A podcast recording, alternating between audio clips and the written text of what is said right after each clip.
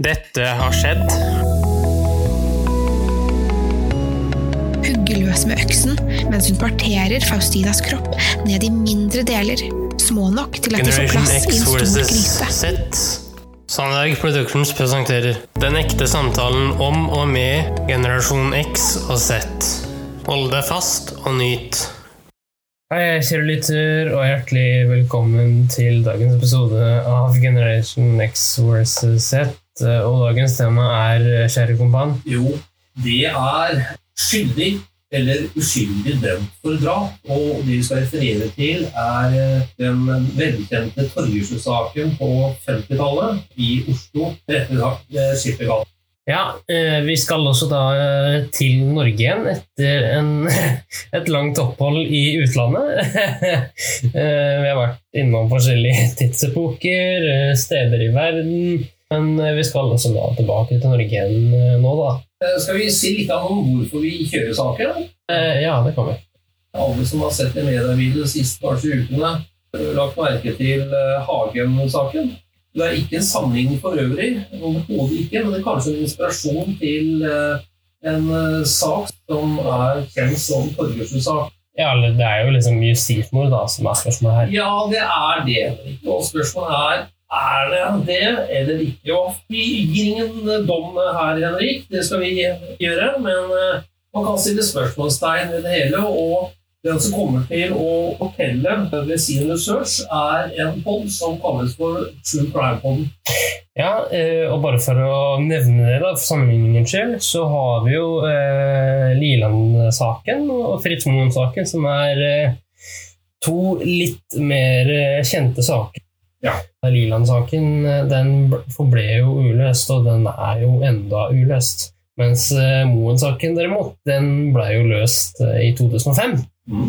Og med det så vil jeg bare advare mot ja, veldig sterke inntrykk. Så følsomme lyttere, hvis det er barn som hører på, vær så snill, skru av nå, eller bare hopp over den episoden her. Ja. Med det så tenker jeg at vi spiller av. Vi kjører på. Advarsel. Denne podkasten inneholder skildringer av ekte drap og kriminalsaker som kan være støtende for enkelte. Det advares også mot sterke inntrykk i deler av episoden. En ung jente blir drept utenfor sin egen leilighet i Skippergata i Oslo. Hun hadde blitt forfulgt på vei hjem av en ukjent mann. Seks måneder senere blir en ung mann dømt til livstid for drapet. Men var han den skyldige?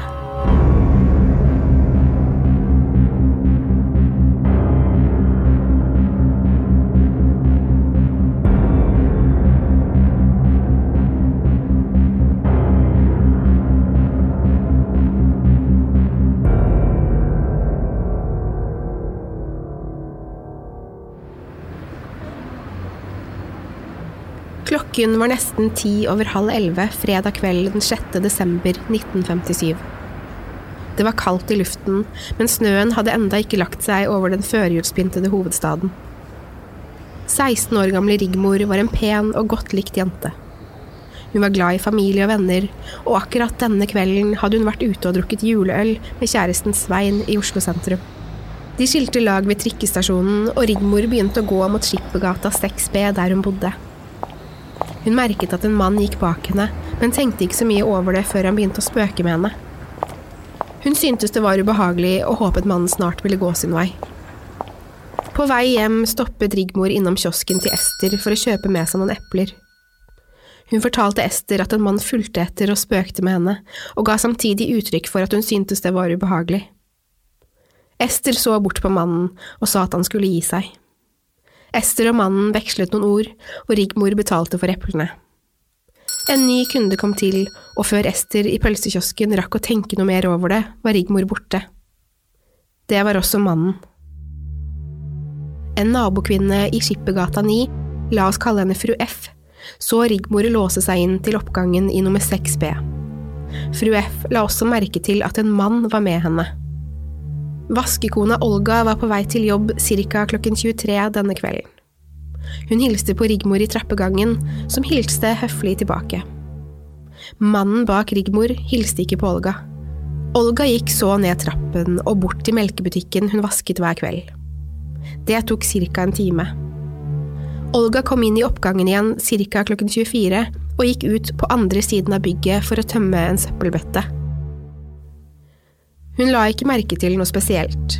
Lyset var på som vanlig, og det var stille og rolig. Olga tok samme vei tilbake gjennom gangen og skulle til å gå opp trappen da hun så det. En liten blodpøl rett ved trappen. Olga beskrev blodet som slimete, spyttet blod som var dratt utover gulvet. Olga studerte blodflekken nøye og kunne beskrive den i detalj i avhør. Hun syntes det var oppsiktsvekkende med blod i gangen så sent på kvelden. Hun hørte ingen lyder utenom det vanlige, og alle dører i gangen var lukket.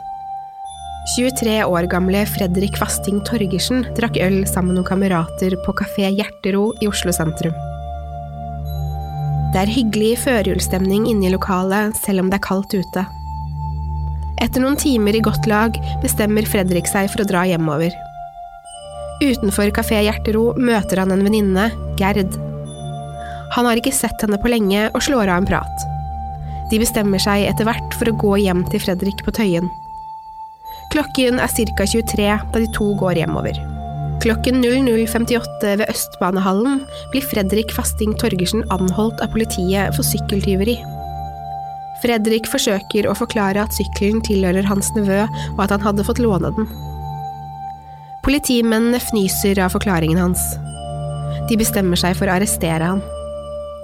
Fredrik forsøker også å rømme, han vil ikke i arresten for tyveri av en sykkel han ikke har stjålet. Politiet tar ham igjen før han kommer seg unna. Deretter blir Fredrik kjørt til politistasjonen på Victoria terrasse i Vika. En brannalarm går 24 minutter senere. Det brenner i Skippergata 6B. Brannvesenet er fremme ca. klokken halv to. Det viser seg heldigvis at det kun er en ulmebrann i kjelleren på bygningen. Det ser ikke ut til at noen av beboerne er skadet, ei heller har brannen spredt seg til noen av leilighetene. Brannvesenet slukker brannen i kjelleren, men legger plutselig merke til noe uvanlig.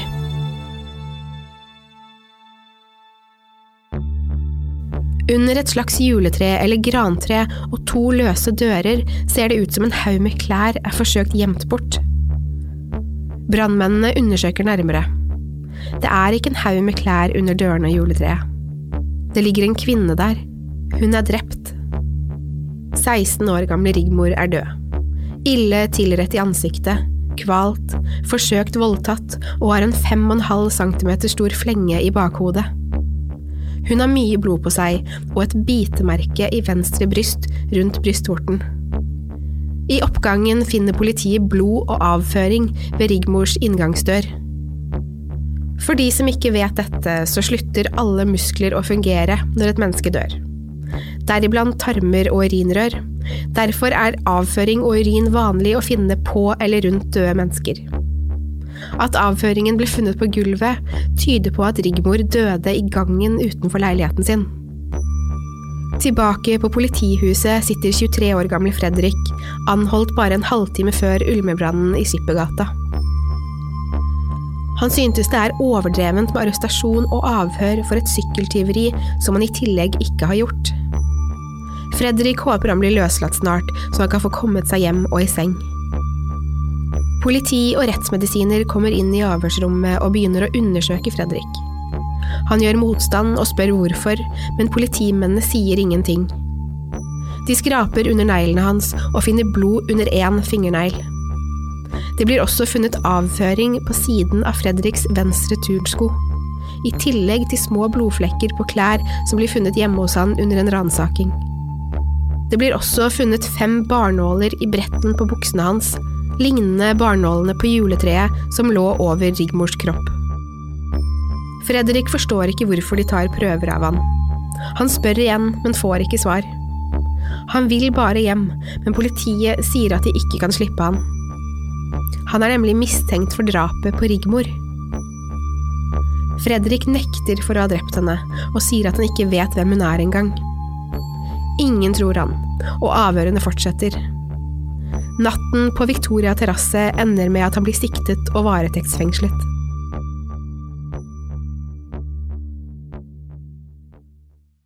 Seks måneder senere blir Fredrik Fasting Torgersen dømt til livstid i fengsel for drapet på Rigmor i Skippergata. Hvem var denne Fredrik Fasting Torgersen? Han var oppvokst i Oslo og bodde på Tøyen med sin mor og søster. Torgersen var verken Guds beste barn eller svigermors røm. Snarere tvert om. Med rulleblad så langt som et vondt år ble han straks etter siktelsen for mordet på Rigmor svartmalt i media. Media gravde i fortiden hans, og det viste seg at Torgersen ikke var en helt vanlig ung mann. Fra tidligere var han dømt for både likskjending og voldtektsforsøk, blant mye annet. Likskjendingsdommen, så dramatisk det høres ut, kom etter at Torgersen og en kamerat bestemte seg for å bryte seg inn på Lille Tøyen eldrehjem for å stjele penger. Ved sen nattestid knuste de to vennene en rute i første etasje. Det ble oppdaget, og de kom seg aldri inn i eldrehjemmet. Innbruddsalarmen gikk, og guttene ble raskt arrestert. Det Torgersen og kameraten ikke visste, var at ruten de knuste, tilhørte likhuset på gamlehjemmet. Selv om de ikke kom seg inn og fikk stjålet noe, ødela de gamlehjemmets eiendom. Så istedenfor å dømmes for forsøk på tyveri eller innbrudd, ble han dømt for likskjending i dette tilfellet. Voldtektsforsøket skjedde da Torgersen og en litt eldre kvinne, som for ordens skyld var moren til en kamerat, satt ved siden av hverandre på en gressplen ikke langt fra der de bodde. Kvinnen, vi velger å kalle henne fru K, gjorde tilnærmelser mot Torgersen som da var veldig ung. Fru K var uten tvil en vakker kvinne, men det er usikkert om de faktisk hadde samleie. En nabogutt mente at han hadde sett det upassende de to holdt på med, og anmeldte Torgersen for voldtekt. Fru K nektet, til og med på sitt dødsleie for at hun ble forsøkt voldtatt av Torgersen. Det fremkommer i en erkjennelse kvinnens ektemann skrev etter hennes død. Torgersen voldtok ikke min hustru. Torgersen fikk likevel tre års fengsel med fem års sikring for denne saken. Som dere skjønner, var ikke Fredrik Fasting Torgersen noen engel. Men betyr det at han drepte Rigmor? Torgersen nektet hele tiden, i avhør, i retten. Han blånektet for at han verken drepte eller noensinne hadde møtt Rigmor. Saken fikk som nevnt stor oppmerksomhet i media, selv lenge etter rettssaken. Alle hadde en mening om drapet, og de fleste trodde nok at politiet hadde fengslet rett mann. Selv om Fasting Torgersen på mange måter var forhåndsdømt, forklarte han seg i retten. Torgersens forklaring er slik. Han hadde vært ute og drukket øl med noen kamerater på kafé Hjerterom i Oslo. Utenfor hadde han møtt en bekjent, Gerd, som han hadde snakket litt med. Gerd og Torgersen bestemte seg så, ca. klokken 23, for å dra hjem til Torgersens leilighet på Tøyen. Der oppholdt de seg på Torgersens rom i rundt en time, og Torgersens mor og søster bekrefter at de hørte han og en kvinnestemme fra soverommet, i tillegg til at de spilte musikk. De hørte også at de to gikk ned trappen, vil si at moren og søsteren mener de tydelig hørte høye hæler mot gulvet, i tillegg til Torgersens fotspor. Torgersen hadde spurt moren og søsteren før han og Gerd dro om han kunne få låne nevøens sykkel for å kjøre Gerd et stykke på veien hjem. Ifølge Torgersen var han og Gerd på vei tilbake til byen rett etter halv ett på natten. Dette stemmer med moren og søsterens forklaring. Klokken 00.58 blir han pågrepet, og noen timer senere er han hovedmistenkt i Skippergata-drapet. Om det Torgersen fortalte i retten stemmer, i tillegg til at han faktisk hadde alibi, kan ikke 23-åringen ha rukket å drepe Rigmor. Men i retten, med statsadvokat Dorenfelt i spissen, ble det påstått at Torgersen løy, og at påtalemyndighetens egen tidslinje stemte bedre med bevisene. Dette er hva påtalemyndigheten, med Dorenfelt i spissen, mente skjedde. Torgersen skal ha gått raskt nedover Karl Johan og møter Rigmor i krysset ved Dronningens gate. Han følger etter henne til pølsekiosken og helt hjem. Rett etter at Rigmor har hilst på vaskekona Olga i trappeoppgangen, skal Torgersen ha slått Rigmor rett ned. Deretter skal han ha dunket hodet til Rigmor, først i betonggulvet, så i kanten på trappen, hvorpå hun får flengen i hodet, uten at det blir noe merke i trappen. Deretter skal han ha forsøkt å voldta Rigmor, hvor hun gjør motstand. Torgersen tar da, ifølge Dorenfelt, kvelertak på Rigmor, som til slutt dør, og tarmene tømmer seg. Det er nå både blod og avføring i gangen. Husk at Olga, vaskekona, kun la merke til blodet i gangen. Hun beskrev kun blodet, og det detaljert.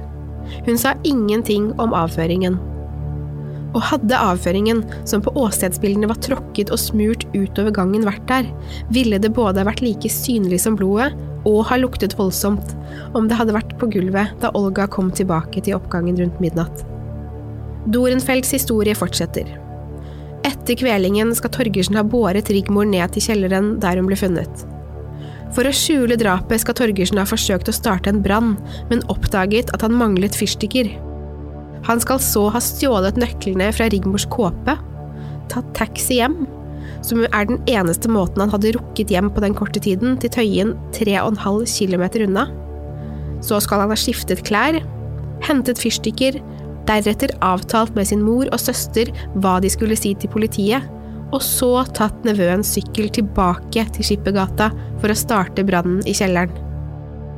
Torgersen skal ha satt fra seg sykkelen utenfor Skippergata nummer 9 mens han tente på kjellerbrannen, og skal ha låst seg inn med Rigmors nøkler. Etter at ulmebrannen er startet, tar han sykkelen mot Østbanehallen og kaster fra seg nøkkelknippet han hadde stjålet fra Rigmor på veien. Nøkkelknippet blir for ordens skyld aldri funnet. Klokken 00.58 blir Torgersen anholdt. Nå som vi har hørt både Fredrik Fasting Torgersen og påtalemyndighetens versjoner, skal vi se litt på bevisene som faktisk ble funnet, både på åstedet og på Torgersen selv. Bevisene Skippergata 6B har to innganger. Én fra Skippergata og én fra Fred Olsens gate. Begge disse dørene var låst klokken 23 den kvelden, og det betyr at kun de med nøkler kan ha kommet seg inn i bygningen. Gjerningsmannen må ha drept Rigmor rett etter at Olga gikk forbi, og drapet må ha skjedd mellom klokken 23 og 23.30 ifølge politiet. Åstedsbildene viser avføringen som er tråkket utover gangen, men Olga nevner bare blodet som hun så da hun gikk forbi rundt midnatt. Det er ganske sikkert at hun hadde både kjent stanken og sett avføringen om den hadde vært der klokken 24. Dette tyder på at noe må ha skjedd senere enn klokken 24 i den gangen. Torgersen var hjemme på Tøyen med Gerd, hun bekreftet dette i avhør. Det skal nevnes at Gerd senere nektet for dette da hun ble avhørt igjen, men da sammen med sin ektemann, og man kan jo tenke seg hvorfor. Rigmor ble funnet død halv to, og da var liket fortsatt varmt, som uttalt til media på stedet. De gikk på det tidspunktet ut fra at Rigmor hadde vært død i ca. en time, vil si at hun må ha dødd etter midnatt. Heldigvis, med nyere teknologi, kunne man fastslå Rigmors dødstidspunkt i 2004. Hun og kjæresten Svein hadde nemlig drukket to halvlitere med juleøl ca. klokken 20 samme kveld. Alkoholmengden i blodet til Rigmor fastsetter dødstidspunktet til klokken ett. Kjæresten til Rigmor kjøpte øl og en pakke sigaretter til Rigmor. Svein bekrefter at Rigmor røkte tre eller fire sigaretter på puben, og at han selv røkte én eller to. Det vil si at det burde være minst 14 sigaretter igjen i pakken, og ingen av vitnene som så Rigmor gå hjem, kan huske å ha sett henne røyke mens hun gikk. Likevel ble det funnet én sigarett i pakken som lå i kåpelommen hennes. Hvem hadde da røkt eller tatt disse? Vi må også nevne kåpen som Rigmor hadde på seg. Den ble funnet inntil veggen bak hodet hennes. Den hadde ikke noe blod eller avføring på seg, selv om Torgersen ifølge politiet skal ha tatt nøklene hennes fra den. Det skal nevnes at det var mye blod på skjerfet og alpeluen hennes. Kåpen kan tenkes å ha vært tatt av før hun ble slått ned. Men hvorfor? Var det hun selv som tok av seg kåpen, eller var det gjerningsmannen? Og hvorfor var ikke alpeluen og skjerfet tatt av? Bitemerket var jo den store snakkisen i denne saken. Retten hadde to sakkyndige fra Tannlegehøgskolen som mente at bitemerket passet perfekt til Torgersens tenner. Likevel skal det sies at de to sakkyndige var uenige om hvilke av Torgersens tenner bitemerket kom fra. I dag kan tannbittbeviset fravfalle, siden nye undersøkelser, bl.a. NRK Brennpunkt fra oktober 2004, beviser at det ikke er Torgersen som har bitt Rigmor. Man må legge til grunn at det kun er gjerningsmannen som kan ha bitt Rigmor, siden bittet var nytt da hun ble funnet. Husker du jeg nevnte at det ble funnet avføring på Torgersens turnsko da han ble anholdt? Det var hundeavføring og blodet på klærne og under neglene til Torgersen kan ikke ha vært Rigmors, siden dette var gammelt blod, vil si ikke fra samme dag. Ester, kvinnen i pølsekiosken, ble ikke avhørt ordentlig før i januar, en måned senere. Hun er den eneste som så mannen som fulgte etter Rigmor på drapskvelden. Under avhør forklarte hun at hun hadde sett mannen som fulgte etter Rigmor dagen etter drapet, altså på lørdagen. Det hadde vært isende kaldt å stå ute i pølsebua, og Ester hadde derfor tatt flere kaffepauser på en kafé ved siden av boden. Mannen hadde snakket med henne og presentert seg som Olaf Lien. Han fortalte at han bodde på Sinsen terrasse 14, men det viste seg at mannen hadde oppgitt feil navn og adresse. Hun beskrev mannen som mellom 30 og 35 år gammel med vestlandsdialekt. Ester ble bedt om å peke ham ut i en såkalt konfrontasjon, hvor flere menn står på rekke. Mannen Ester pekte ut, het Alf B. Han var 30 år og fra Vestlandet. Han ble avhørt, men nektet all forfatning med drapet. Han ble kalt inn til rettssaken, men statsadvokat Dorenfeldt opplyste at han satt fengslet i Århus i Danmark på tidspunktet hvor rettssaken pågikk. Senere har man funnet ut at dette ikke stemte. Så hvorfor ble han ikke kalt inn? Hvor var han? Ester peker faktisk ut Torgersen i en annen konfrontasjon, men kun som type utseende. Hun sier aldri at det er Torgersen som fulgte etter Rigmor. Ørnulf B., en kjent kriminell, fremstår for retten som vitne uten at Torgersens forsvarer får vite det på forhånd. Han forteller at han så Torgersen utenfor Skippergata 6B kvelden Rigmor ble drept klokken ett. I en rekonstruksjon peker Ørnulf ut feil bygg. Han peker ut Skippergata 9, siden skiltet henger opp ned, så det ut som et sekstall. Det er derfor statsadvokaten mener Torgersen satte fra seg sykkelen utenfor nummer 9. Senere får man vite at Ørnulf fikk noe av fengselsstraffen sin ettergitt for å ha vitnet mot Torgersen, noe som kan ha vært motiv for å vitne falskt. Denne saken er trist. Det er trist for Rigmors familie, som mistet en datter og en søster, og det er trist for Fredrik Fasting Torgersens familie. Det er mange som er sikre på at Torgersen er uskyldig, selv 60 år etter. Dessverre fikk aldri Fredrik Fasting Torgersen oppleve det å bli frikjent. Han satt heldigvis bare i fengsel i 16 år, og ikke på livstid som han ble dømt til, men levde hele resten av livet sitt som drapsdømt. Denne saken skulle vært kalt noe annet. Den burde vært kalt Rigmor-saken, eller fortsatt å ha hett Skippergata-drapet. Det skulle aldri ha blitt som det ble, men da påtalemyndigheten etterforsket drapet slik at Fredrik Fasting Torgersen skulle passe inn i saken, burde de heller ha sett på bevisene som forelå. De skulle ha snudd hver eneste stein, avhørt alle vitner. Det skulle ha vært i påtalemyndighetens interesse å dømme den skyldige og la gjerningsmannen få sin straff. I Torgersen-saken ble ikke 16 år gamle Rigmor drapsofferet hovedpersonen. Det ble Fredrik på 23 år. Denne saken, men også eksempler som Liland-saken og Fritz Moen-saken, er mørke kapitler i norsk rettshistorie. Fredrik Fasting Torgersen gikk dessverre bort sommeren 2015 i en alder av 80 år. Han døde som drapsdømt. Om du vil lese mer om Torgersen-saken, kan du gå inn på torgersensaken.no. Ja, kjære sønn, hva tenker du ut fra den podden? Ja. Hva tenker du? Eh, nei, altså det er jo et uh, stygt arr i norgeshistorien, da. Ok. Bare for å understreke, Henrik, vi har bare hørt én pod. Hva den poden inneholder og vinkling poden har, skal vi også ta oss med i, i vurderingen når vi, når vi tenker på saken. Så vi vet ikke, men det kan stilles spørsmålstegn, da. Selvfølgelig. Og med det så tenker jeg vi skal over til noe litt koseligere. Ja, så bra. Hva har du tenkt å by på denne gangen, kjære sønn? Jo, det kommer nå.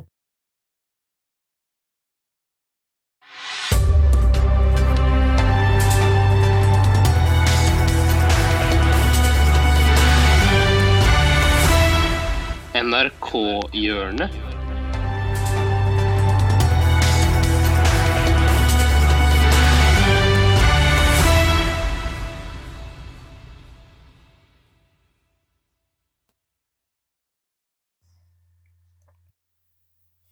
Som du hørte der, eh, kjære lytter, så skal vi inn i NRK-hjørnet. Eh, Og når jeg sier, eh, kjære kompan, Yes. at vi priser sommeren i dagens hjørne. Vi priser. Men hva kommer inn i huet ditt når jeg sier priser sommeren? Da tenker jeg på varme, det å nyte friheten, fritiden, det er sol, eh, og det er positivitet, og det er lykke i, eh, i lufta. Ja, og det er det vi skal innom i dag, eh, til en viss grad, eh, i NRK-hjørnet. Eh, Med det så tenker jeg vi bare spiller av klippet. Ja.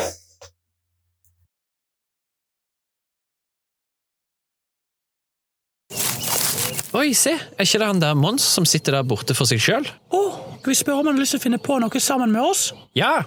Hei, Mons! Har du lyst til å bli med oss og bade? Og det høres gøy ut! Ja! Jeg må bare sjekke i boken først. Hæ? Nei, jeg får ikke lov til å bade.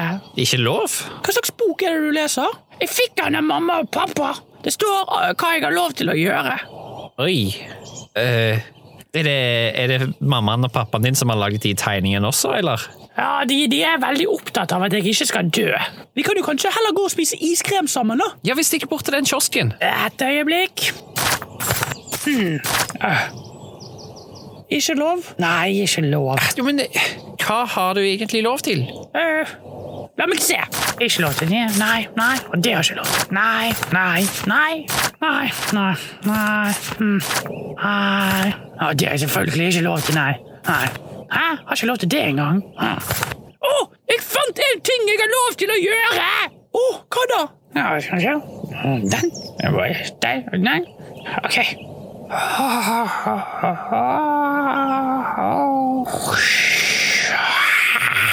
Eh, hva, hva gjør du nå?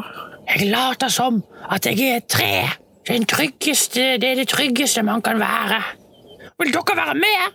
Jeg, tror jeg heller vil bade. Eh, jeg også. Sorry, Mons. Vi snakkes. Ah, Skal vi spise masse is etterpå? Å, oh, ja, is!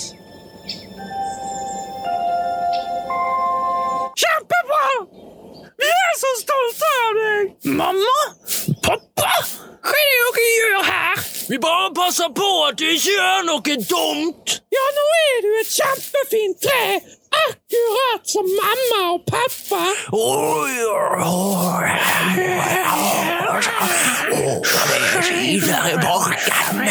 Jeg, ehm, jeg vil ikke være tre lenger. Hva? Jeg vil heller bade. Sammen med de andre. Du skal ikke gå og bade, Mons! Du kommer til å dø! Kos dere, da. Nei! Kom tilbake med en gang, Mons! Mons, Mons du glemte boken din! En sommerfugl! Nei! Nei! nei, nei, nei Hvor i helvete kom det en sommerfugl fra, da?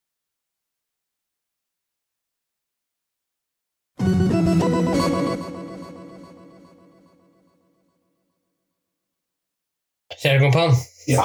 eh, hva syns du om poden podden i dag? Den eh, var hadde dypere mening enn eh, den nesten skulle tro. Hvis man reflekterer litt over det som ble sagt, så eh, hadde den mye dypere etisk og filosofisk betraktning enn som så. Ja, Tenker du på alt nå, eller bare NRK? Jeg tenkte mer det NRK gjør nå.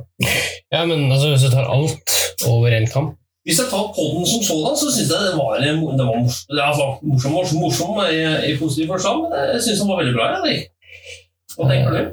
Ja, nei, Jeg tenker litt det samme. da. Vi setter jo lys på en kriminalsak som ikke, som ikke er så veldig kjent i nyere tid. Men den blei jo veldig kjent når den først ble oppdaga, den saken her. Han, eh, Fredrik Hassing Torgersen som ble diskutert her, var jo veldig mye i mediebildet som en kjenning av politiet, blant annet.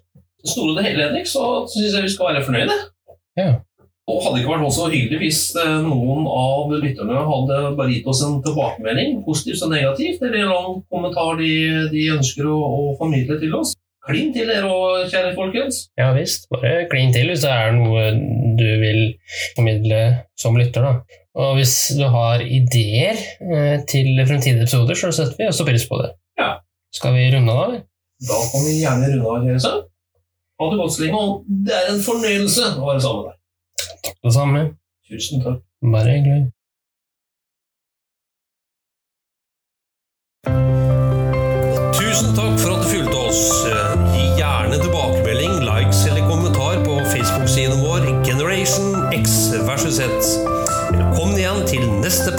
Versus